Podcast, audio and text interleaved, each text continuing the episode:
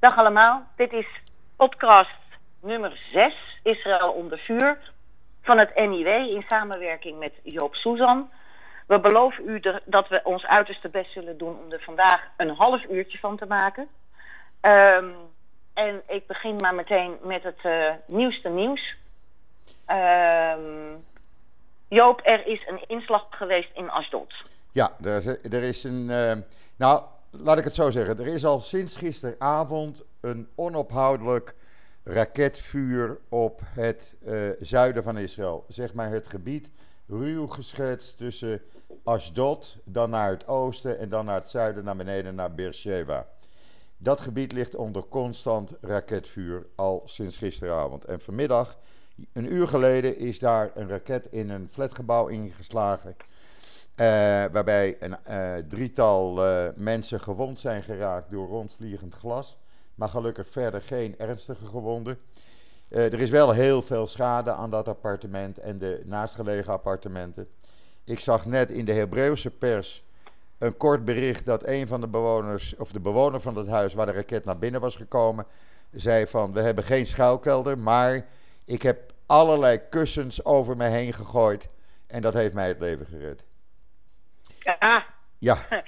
ik, ik, ik hoorde dat ze ook keurig netjes allemaal in uh, het trappenhuis zaten. Ja, uh, ook. Uh, dat is de enige manier. waardoor, ja, dat is de enige manier. Hè? Dat als je geen schuilkelder hebt of geen zo'n beveiligde ruimte als jij, dat je dan de trappenhuis ingaat. Dan ga je naar het trappenhuis of je gaat in het gras liggen zoals uh, mijn kinderen deden in, in Tel Aviv. Met vier kleine kinderen, mm -hmm. die liggen s'nachts als het alarm afgaat voor het flatgebouw. Allemaal in het gras met het, de handen over het hoofd.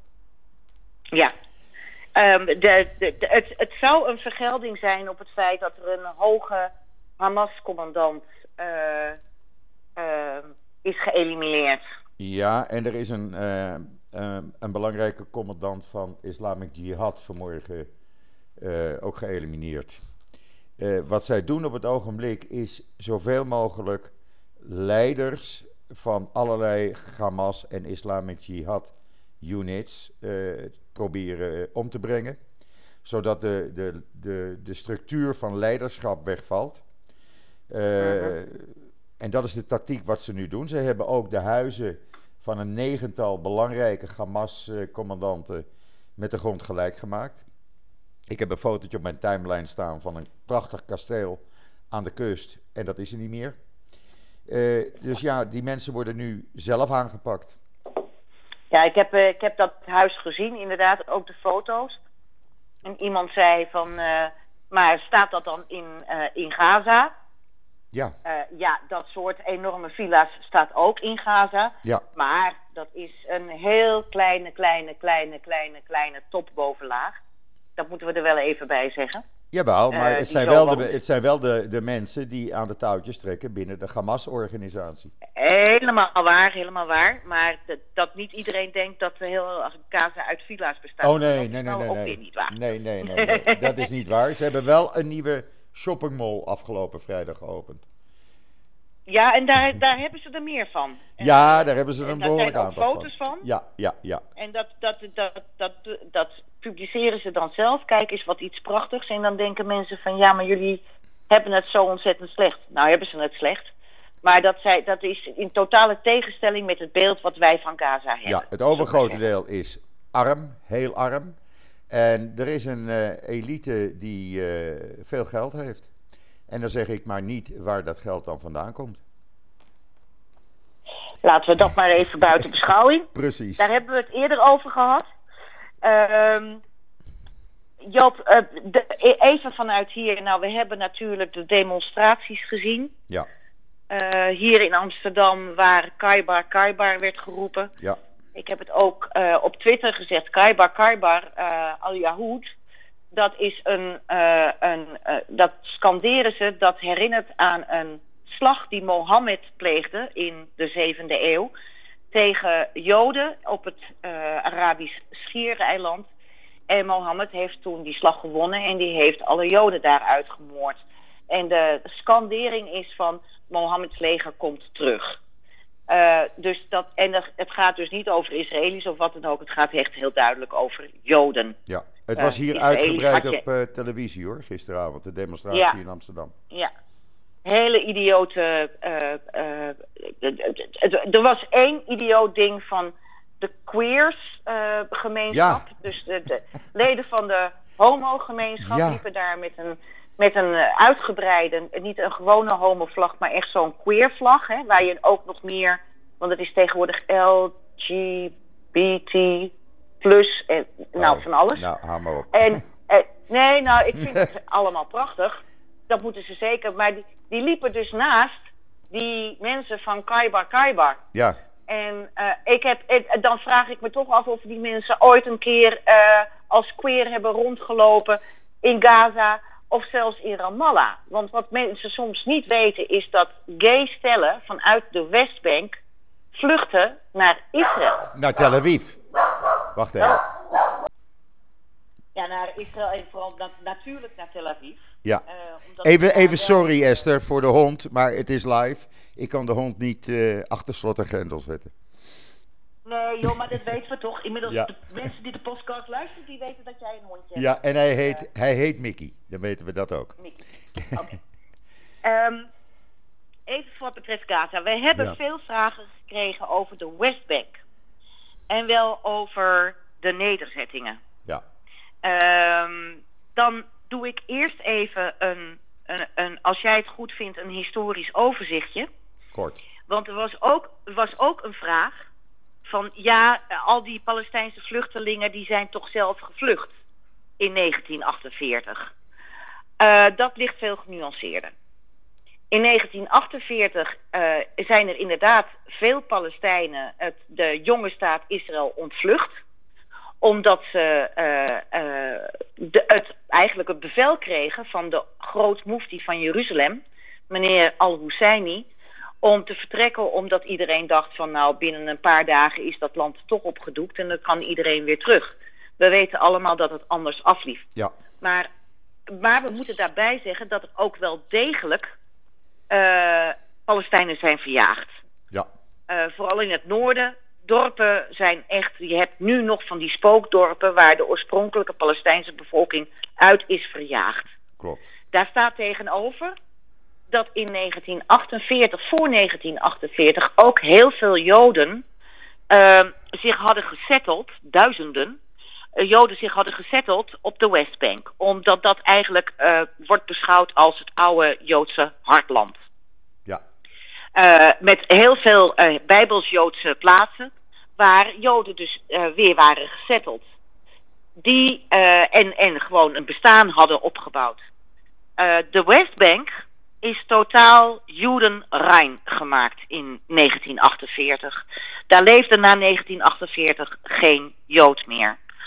In Israël zijn er wel Arabieren blijven wonen. En die vormen op dit moment 20% van de bevolking. In Gaza woont geen Jood meer. En op de Westbank um, wonen behalve de nederzettingen nu die zijn pas vanaf 1967 weer gekomen. Maar daarbuiten woonden geen Joden. Dat is ook waar, wat speelt in dat, um, ont, uh, uh, die uitzettingsprocedure in Oost-Jeruzalem. Want dat was oorspronkelijk uh, van een Joodse organisatie aangekocht voor 1948. En daar woonden ook Joden. Die zijn toen ook, samen met die andere Joden die op de Westbank woonden, verjaagd en uh, waardoor de Westbank Judenrein werd. En uh, in 67, na de, uh, nadat de Israël de overwinning had behaald en de Westbank was binnengekomen, zijn daar toen mondjesmaat en daarna steeds meer Joden zich daar opnieuw gaan vestigen. En er wordt wel eens gezegd van, ja, een Palestijnse staat. ik ben daar zelf ook voor. Alhoewel ik denk dat dat de realiteit dat ingehaald heeft. Maar dan antwoord ik altijd, ja, een Palestijnse staat, dat uh, is, is hartstikke goed. Maar waarom zouden die Joden er dan niet kunnen blijven wonen als een minderheid?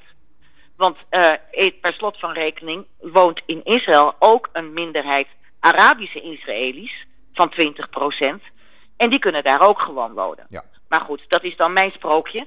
Um, Ik denk niet dat dat zal gebeuren. Nou, een maar- autonome, eh, autonome Palestijnse staat, die ziet men wel zitten. Maar dan autonoom in die zin dat, eh, zeg maar vergelijkbaar met Aruba, waarbij eh, Israël dan de grensbewaking doet en dat er geen militairen zijn. En voor de rest kunnen ze Ja, hun dus, eigen een, dus dopjes... een eh, ontwapende, ja, een ontwapende eh, Palestijnse staat. Maar goed, Ja. dat is. dat- Maar even voor wat betreft de vluchtelingen. ja, En dan kunnen we nu door op de nederzettingen. ja, Eh, want veel mensen vroegen van ja, maar die nederzettingen worden toch ook nog steeds uitgebreid. En dat klopt. Kunnen we gewoon niets anders van zeggen dan dat dat klopt. bestaande nederzettingen worden uitgebreid. Nou ja, dat is dus het punt. Eh, heel veel bestaande nederzettingen worden uitgebreid. En vaak zijn de uitgebreidingen of het extra aantal huizen dat gebouwd wordt in zo'n nederzetting ook binnen een compound. Dus dan is de erfscheiding eigenlijk al bepaald en daarbinnen eh, worden dan extra huizen gebouwd. Ja, Maar dat er steeds meer Joodse huizen op de Westbank komen, dat is ontegenzeggelijk. dat is ontegenzeggelijk. En er wonen nu ruim 500.000 Joodse Israëli's op de Westbank. Ja, terwijl de eh, volledige eh, eh, Arabische bevolking rond de 4,5 miljoen ligt. Ja, ja. Waarbij de ja. 20% Arabieren die dus Israëlisch staatsburger zijn, dat ligt rond de 1,8, 1,9 miljoen. In Binnen Is- Israël proper, binnen de grenzen van voor juist, 67. Binnen de grenzen van Israël. Binnen de grenzen van. Heel goed, dan hebben we dat beantwoord. Dan gaan we even naar volgende vragen. Ik moet er even heen hoor, Joop. Ja, zeg het, eh, neem je tijd.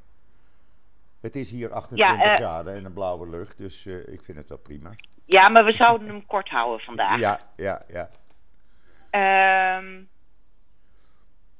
oh, er was een prachtige tweet van Max Abrams die ik even zou willen delen. Ja, ik zag hem. Die, die, ja, die zei: Without Twitter, I'd never know that the Israeli-Palestinian conflict has gone has deep origins going all the way back to the real estate dispute in Sheikh Jarrah two weeks ago. Ja, ja. Die was grappig. Ja, ik vond hem leuk. Ehm, even kijken hoor.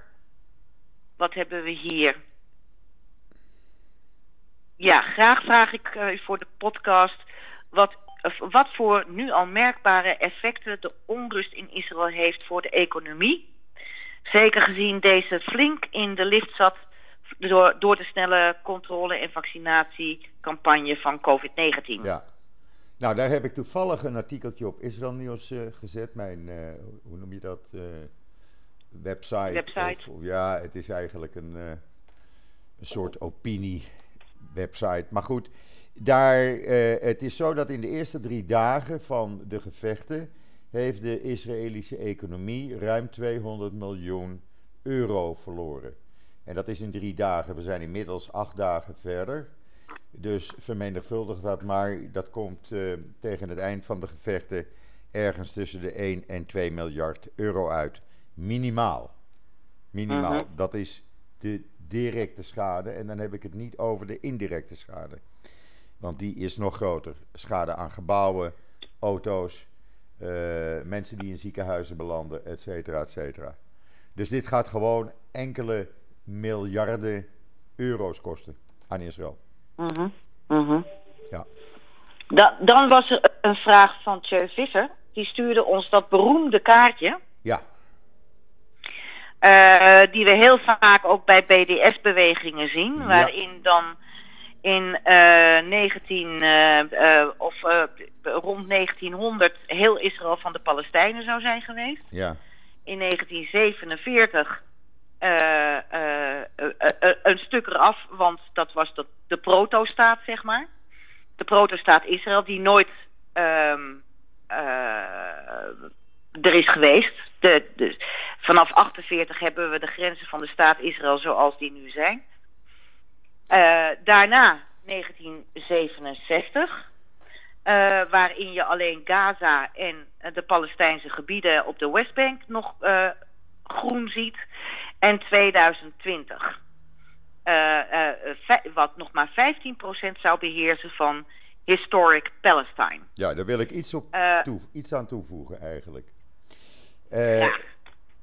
De term Palestijn is pas in 1964 uitgevonden door meneer Arafat tijdens een toespraak op de bij de Universiteit van Tunis. Toen had hij het over het Palestijnse volk.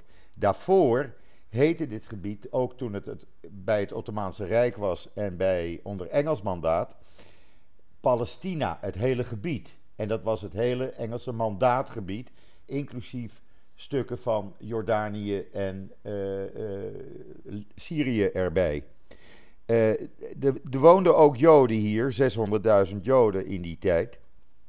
Tussen Arabieren die hoofdzakelijk uit Libië en Egypte vandaan kwamen en zich in dit gebied gevestigd hebben.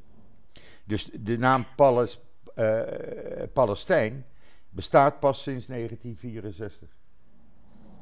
Nou ja, oké, maar daar, daar kun je over twisten natuurlijk. Als Ja. een volk zich Palestijns noemt, hè, dan zijn ze wat mij betreft Palestijns. Ja, Eh, maar eh, in ieder geval, dat klopt al niet met het kaartje. nee. Eh, want ook nog een keer dat de- iedereen zegt... ja, en die Joden die kwamen zich alleen maar vestigen in Jeruzalem. Ja, Nou, ik weet, ik weet niet of u foto's kent uit 1850 van Jeruzalem. Maar recht om de muren was het alleen maar scha schaaphoedersland. En eh, da daar was dus verder, behalve de oude stad, helemaal niets. En vanaf 1850 ongeveer eh, zijn Joden zich daar gaan vestigen. En al vanaf 1870 was Jeruzalem een overwegend Joodse stad.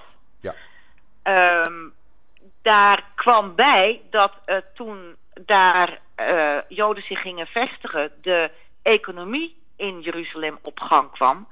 En dat had een enorme aanzuigende eh, werking van Arabieren in de omgeving, maar ook uit Jordanië enzovoorts. Eh, dus er kwamen ook Arabieren bij toen, omdat het, omdat het daar eh, economisch gezien voorspoedig werd. Dat is één ding. Het andere ding is dat in 1948 ehm, ehm, de hele Joodse wijk in de oude stad met de grond gelijk is gemaakt. Was dat 48 of 67? Dat we, nee, 48. 48. Ach, Joden zijn verjaagd. 48. De Joden zijn Is de, hele, is, de, Ja. is de hele Joodse, oude Joodse wijk, waar Joden eeuwenlang hadden geleefd, door de Jordaniërs met de grond gelijk eh, gemaakt, inclusief de Hula-synagoge, als ik dat goed zeg. Ja, eh, de- een hele oude, beroemde synagoge, alles met de grond gelijk die is weer gemaakt. Dus herbouwd, hè? Die is weer herbouwd. Die is nu kort Ja. geleden weer herbouwd. Ja. Die hebben we ook in, eh, in eh, het NIW gepubliceerd. Ehm, maar dat is zo ongeveer de geschiedenis. Er valt veel meer van te vertellen. Eh, maar dat over nederzettingen, hoe die volk, bevolkingsgroepen zich nou binnen een eeuw zeg maar, hebben, ehm, hebben verplaatst. Ja, Ja? ja dit is En een dat goede uitleg. klopt, dat, kaart, dat kaartje klopt dus niet. De Palestijnen hebben voor het eerst in hun, in hun bestaan, eh, of de, is- eh, ah, de- zelfbestuur. En dat zijn dus de area's waarin de Pa- Palestijnse autoriteit het op de Westbank voor het zeggen heeft. Dus voor het eerst Ja, dat ze dat zelfbestuur hebben. klopt. Maar een staat zijn ze niet. En eh, daar, daar, zit de, daar zit hem de kneep. Ja.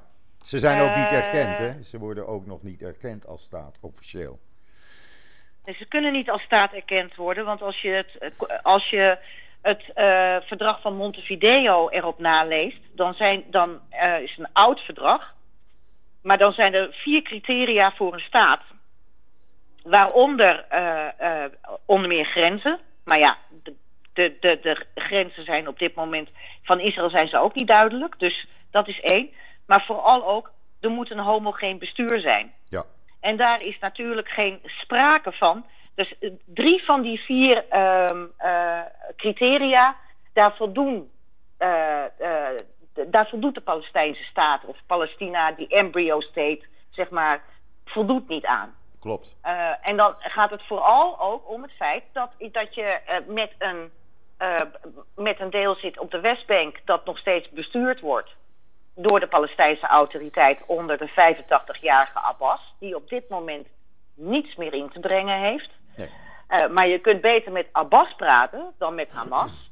En in Gaza zit dus alleen nog maar Hamas. En als Israël er niet is, uh, zelfs als Israël er wel is, dan slaan ze elkaar de hersens in. Precies. Waarbij ik even opmerk dat 15 jaar geleden meneer Abbas voor vier jaar is gekozen. En steeds de verkiezingen heeft aangekondigd of niet eens en ze daarna weer heeft afgezegd. Precies, zoals nu onlangs. Ja, precies. En dat is eigenlijk een van de belangrijkste aanleidingen. Ik heb nog een vraag, Joop. We ja. moeten snel door. Ja. Ik vind dat net in jou er niet zo goed van afkomt. Hij zou het conflict mede veroorzaakt hebben voor politiek gewin. Begrijp ik dat goed? Dan hmm. zou je toch moeten concluderen dat hij er mede schuldig aan is. Nou, dat is niet waar, want Netanyahu is dit conflict niet begonnen. Netanyahu nee. maakt er wel nu gebruik van. Dat is wel duidelijk. Precies. Hij probeert het in zijn voordeel allemaal te doen. En komt ook over elke avond op televisie als ik ben de enige die Israël kan redden. En kijk eens even hoe goed ik dat doe. Terwijl uh de rol van Benny Gans Ehm, een beetje onderbelicht wordt, de minister van Defensie, die eigenlijk net zoveel doet en misschien nog wel meer, omdat die uh, uh, het militaire gedeelte aanstuurt.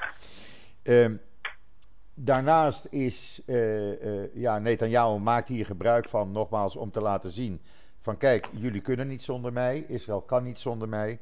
Lapid zorgt dat hij elke avond de oppositieleider op televisie is met een, een goed verhaal, moet ik zeggen. En is bezig nog steeds om te zorgen dat hij binnen zijn termijn, uh, die nu nog ongeveer 2,5 week duurt, toch een regering kan samenstellen. Dat is, de, dat is de, politieke situatie nu. Oké. We gaan even door. Dit is ook een heel goede, goede vraag. We hebben hem gisteren al deels uh, uh, behandeld, maar we doen het nog een keer. Waarom is de grens tussen Gaza en e- Egypte afgesloten en waarom is de roep om het vrijlaten van Gaza alleen aan Israël gericht? Dus niet ook aan Egypte. Uh, waarom de grens met Egypte afgesloten is? Nou, uh, Egypte heeft die zelf afgesloten, omdat ze wilden voorkomen dat zij die terroristen ook op hun grondgebied krijgen en uh, met alle narigheid van dien. Waarbij Egypte ook uh, ja, eigenlijk het land is wat probeert te bemiddelen. Alhoewel het dat heel moeilijk uh, gaat op dit moment. En Egypte heeft gezegd: wij zijn dat gewoon zat. Die terroristen in Gaza, Islamic Jihad, Hamas. We zijn het allemaal zat. En we sluiten de hele boel af. Ze hebben ook een aantal tunnels van Hamas onder water gezet. Maar niet alles. Voornamelijk bij Rafah. En de rest van de tunnels wordt nog gebruikt vanuit de Sinai-woestijn. Uh, om wapens en uh, ander materiaal uh, Gaza in te smokkelen. en die worden gebruikt door Hamas, die gebruik maakt van Bedouinen uit de Sinai. Daar moeten we nog even een aantekening bij maken, Joop. Ja. want jij hebt het nu alleen over terroristen. Maar ik ga even terug de geschiedenis in 1980, de Camp David-akkoorden. Ja. tussen Sadat de toenmalige uh, president van Egypte, en uh, Menachem Begin, de toenmalige premier van Israël. Ja. Uh, er is heel lang in, tijdens die vredesbesprekingen gesteggeld over wat er met Gaza zou moeten gebeuren. Ja. Want Gaza stond eigenlijk onder Egyptisch bewind. Klopt. En de Egyptenaren die wilden Gaza absoluut niet terug. Uh, dat is de broederschap tussen de Egyptenaren en de Palestijnen. Want zij wilden niet opgezadeld zitten met dat grote aantal Palestijnen. Klopt. En de, de grootste uh, aderlating die Israël in wezen heeft gedaan in 1980 om dat vredesakkoord rond te krijgen, was dat ze toen Egypte hebben beloofd dat zij on, uh, het, bestuur, het, bestuur, van Gaza zouden overnemen. Ja. dus het, het, even ook even over uh, de grote Arabische eenheid. Daar is dus geen sprake van. Dat zien we nu ook weer. En dat zijn, zien we altijd al eigenlijk door, door de eeuwen heen. Maar dit is een van de aanloopzaken waardoor uh, Gaza is zoals het nu is. Ja, klopt. Klopt. Ik heb het gisteren ook al gezegd, maar ik tip het nog even aan. Die eenheid die jij net noemt, die Arabische eenheid. Abbas is zeer teleurgesteld, premier, president Abbas, dat geen van de Arabische leiders hem gebeld heeft. De enige die hem belt met enige regelmaat is meneer Erdogan van Turkije. Ja, en in, in dat kader wil ik ook even uh, een opmerking maken over de verklaring die Mark Rutte heeft uitgegeven uh, ja. gisteren. Ja. Nadat hij uh, toch pal achter Israël was gaan staan. Ik weet niet in hoeverre eventuele potentiële coalitiepartijen hebben gezegd van je moet hier wat aan doen. Uh, maar uh, Mark Rutte uh, had het ook over die, die vier families die uitgezet werden. Waar, terwijl echt iedereen zo ongeveer weet dat dat alleen maar een, ja, een, een stok was om mee te gaan slaan. Maar goed. Ehm, maar hij heeft dus ook Abbas gebeld op de Westbank. En op zich uitstekend dat hij dat doet hoor, naast het bellen van Netanyahu. Maar op dit moment is de rol van Abbas echt uitgespeeld. Ja. En je kunt pas weer echt beginnen met vredesbesprekingen en vredesonderhandelingen als daar een nieuwe leiding zit die meer leiderschap toont dan Abbas al, al die jaren duurt. 100% mee eens. Want, want de, uh, Ben heeft het ook van waarom nou, er zijn verhalen over het feit dat uh, Netanyahu en Abbas, als ze elkaar ontmoeten, met de rug naar elkaar uh, binnenliepen in de zaal. Ja. Die liggen elkaar helemaal niet. En, uh, maar los daarvan um, weten we gewoon dat ook um, akkoorden um, voorstellen dat die door de Palestijnen steeds zijn afgekeurd. Dus dat moeten we er wel even bij zeggen. Ja. Dat is gewoon zo. Ja, dat is zo. En dan kun je zeggen, omdat, omdat ze geen goede deal kregen. Nou ja, dat is net zoals de, ook de Palestijnen waren uitgenodigd voor de Abraham-akkoorden. Ik begrijp volledig waarom ze daar hebben gezegd van ja, maar daar gaan we niet mee akkoord. Maar zo kom je natuurlijk nooit ben er niet mee akkoord. Maar let's talk. Wat, wat zouden we er wel uit kunnen krijgen dat goed zou kunnen zijn, bijvoorbeeld voor de economie ja. op de Westbank. Ja. Maar goed, uh, en, en, en ik begrijp volledig waarom de, waarom de Palestijnen niet om die tafel zijn gaan zitten hoor, daar niet van. Maar misschien zou het ook bij de Palestijnen eens handig zijn als daar eens een keer een andere politiek van start zou gaan. Ja. Net zoals ook uh, uh, uh, binnen Israël. Nou ja, je zou jongere mensen daar aan het, aan het bewind moeten hebben. Die staan er klaar voor, maar die komen, er niet aan, die komen niet aan bod. En als je een jongere groep mensen hebt die wel de realiteit zien, die wel met Israël verder willen onderhandelen en willen praten, dan begin je al ergens. Dan is er een begin. En met deze mensen die nu aan het bewind zitten, kom je geen centimeter vooruit. Echt niet. Uh, ik vrees dat dat de stand van huidige stand van zaken ja, is. Ja, dat is de stand van zaken. Ja. Ja. Uh, even kijken, dan denk ik dat de. Oh ja, hier heb ik nog een vraag. Uh, iemand wil weten of we weten hoeveel ehm, Hamas terroristen, zeg maar, echte terroristen tot nu toe zijn geëlimineerd. Ja, dat wordt niet opgegeven nog. Het zijn er enkele. Nee, hè? Nee, het zijn er, het zijn er tientallen. Uh, kijk, degenen die worden geëlimineerd, dat zijn hoofdzakelijk commandanten. Gewone uh, uh, slepers, zeg maar. Mensen die allerlei werk doen. Ja, nou, de commandanten, die commandanten van units, die gaan eraan. Daar zijn er nu een stuk of even kijken, 14, 15 belangrijke commandanten zijn geëlimineerd. Ik denk wat men nu probeert. Ze hebben de wegen naar het Shiva ziekenhuis gebombardeerd gisteravond. Onder dat Shiva ziekenhuis in Gazastad zit het commandocentrum van Hamas. Diep onder de grond. Ehm, de leider van dat centrum zou daar, uh, van Hamas, de militaire vleugel van Hamas, meneer Mohammed Dijf, die zou daar ook zitten. Dat is de meest gezochte man. En het zou best eens kunnen dat het doel van Israël is om deze man te pakken te krijgen.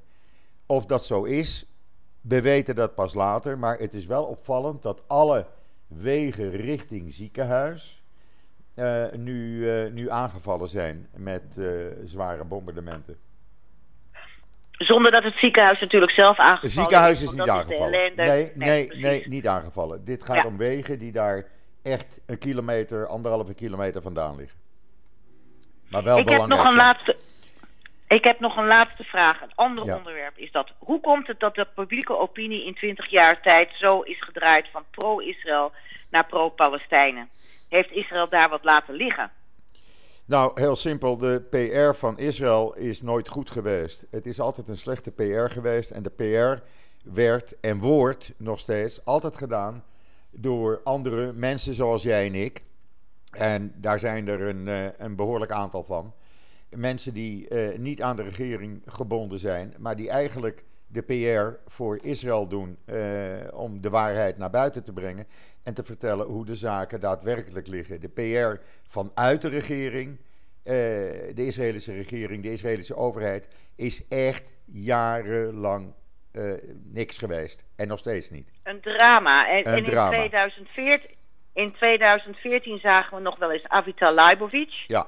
Uh, die was toen de spokesperson voor de IDF. Ja.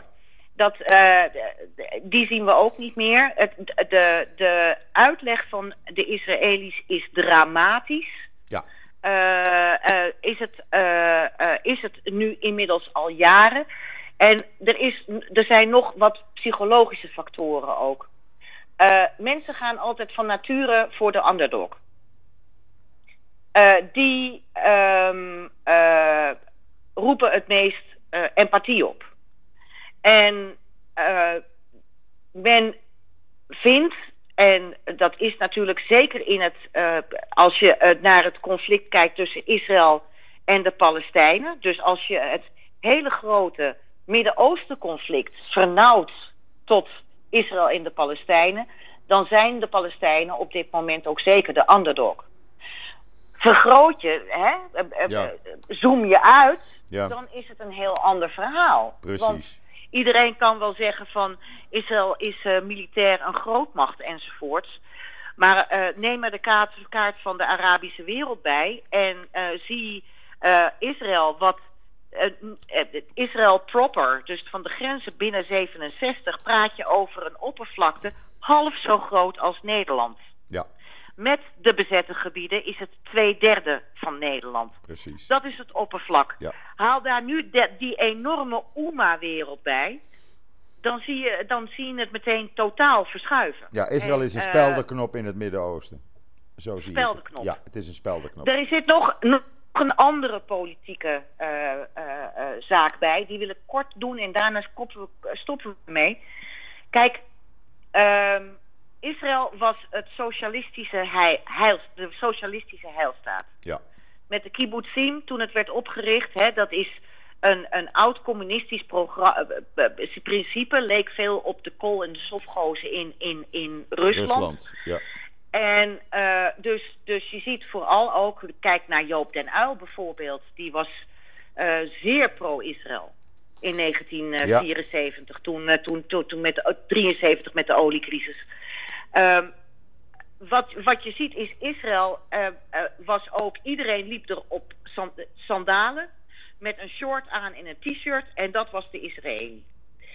De Israëli heeft het in de loop van de tijd economisch heel veel beter gekregen. Let wel, er is nog steeds armoede, maar de, men heeft het beter gekregen. Daarmee werd het individualisme kwam binnen. Het kapitalisme kwam binnen. Iedereen draagt nu een Ray-Ban of een Gucci zonnebril.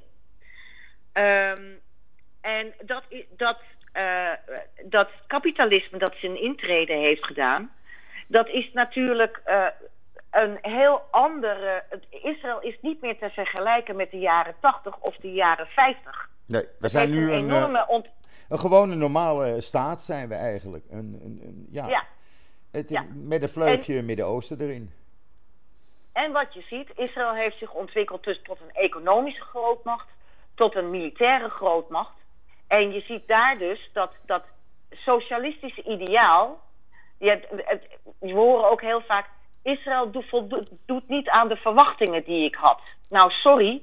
Uh, sinds wanneer moet een land voldoen aan de verwachtingen die u heeft? Ja. Maar zo, dat komt omdat men zo, zo enorm begaan was met die staat. En dat zag als een soort utopia, wat het natuurlijk helemaal niet was. En dat men nu ziet dat het een gewone uh, westerse staat aan het worden is. Met een enorm economisch arsenaal enzovoort. En dat is natuurlijk niets meer in vergelijking met dat romantische ideaal.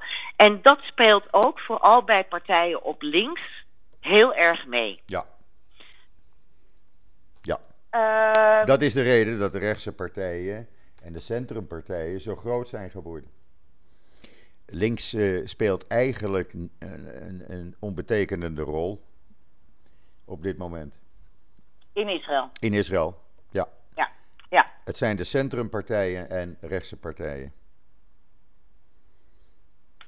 Nou, ik hoop dat we over een paar maanden Lapid daar zien zitten. Uh, ja, het zou eens een keer tijd worden als we daar een centrumrechtse regering gaan krijgen.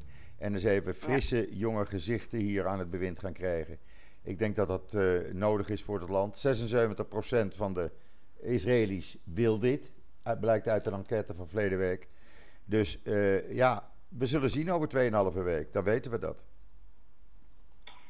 En dan moeten we er nu weer een, een, eind aan breien, joh. Ja, we moeten er weer een eind aan breien. Ik wou nog even zeggen. Ik wou nog één ding toevoegen. Zeven minuten over tijd. Ja, ik, ik wou één ding toevoegen, Esther. Het is Sabot.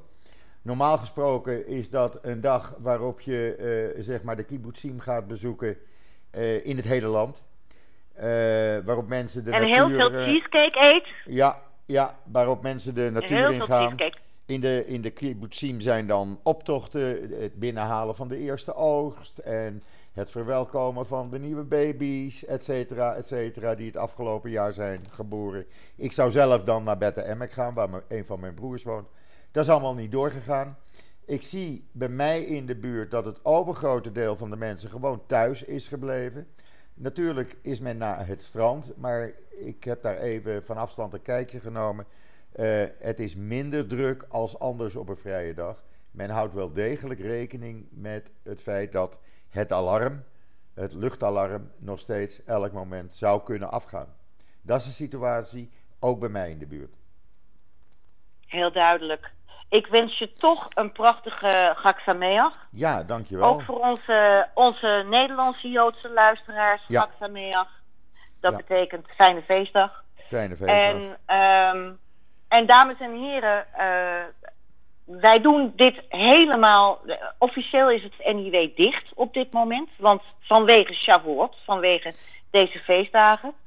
Uh, dit doen wij puur uh, uh, belangeloos omdat we vinden dat het nu de tijd is, ja, de timing. Hè? Nou ja, en ook dat de juiste informatie, de juiste informatie uitgaat.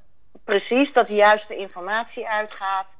En uh, ik maak gewoon weer even reclame voor het NIW.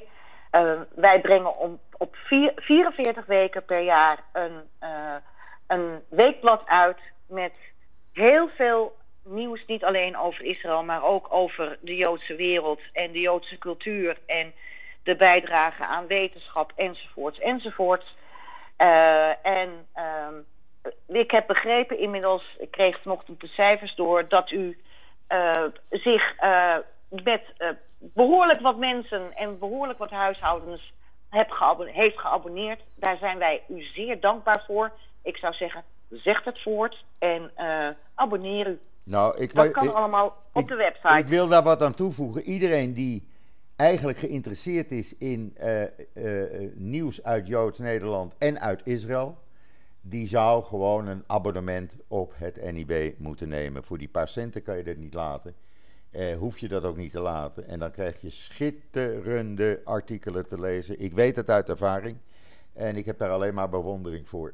Eh, dus gewoon een abonnement nemen op het NIW, zou ik zeggen. Zoals eh, Ja. iedereen dat doet. En des te meer mensen een abonnement hebben, des te meer leuke programma's we kunnen maken in samenwerking eh, met het NIW. Zo werkt het gewoon. Hartstikke goed. En, en eh, eh, laten we ook zijn, jij hebt ook een Twitter-account. Ik heb een Eh, Twitter-account, maar ik eh, heb ook eh, een. eh, Israël Nieuws. Ja, ik heb ook een, eh, eh, een, een blog, een blog, een dagelijks blog, waar ik dus in kort, heel kort, belangrijke ontwikkelingen hier in Israël opzet. Gewoon korte nieuws, Israelnieuws. En voor de rest eh, de uitgebreide artikelen en achtergronden, ja, daar lees ik het NIW voor. Zo, we hebben ons reclamepraatje gehad, joh. Het reclameblok hebben we weer gedaan. En We eh, moeten echt stoppen. Wij gaan stoppen. Het is alweer 40 minuten. Ik weet dat mensen het Ja. gezellig vinden om naar ons beiden te luisteren. Maar eh, nee, het is 40 minuten. Het is mooi geweest. Eh, we zijn er morgen weer, want ik verwacht de komende uren heel wat ontwikkelingen, kan ik je zeggen. Er rommelt Oké, wat. nou morgen, rommelt wat. morgen, morgen of overmorgen, we nemen het van nu eventjes per, per, eh, per ding. Maar ja. als, als er veel te melden valt, dan zijn we er zeker morgen. Nou ja, laten we zo zeggen. eh, en anders overmorgen. En anders doen we dat overmorgen. Ik ben in ieder geval morgenochtend om kwart over zeven, Nederlandse tijd, bij Goedemorgen Nederland. Om de laatste ontwikkelingen door te nemen. Op WNL. Waar zou, Op WNL. waar, zou, waar, zou, waar zou het tegengeluid eh, beter te horen zijn dan bij WNL? Echt waar. Ja, ik eh, vind het heel plezierig om dat te doen. En ik doe dat graag voor ze. Ja. Heel goed. Nou, Oké, nog een fijne dag. nog. Dag, dag. Dag.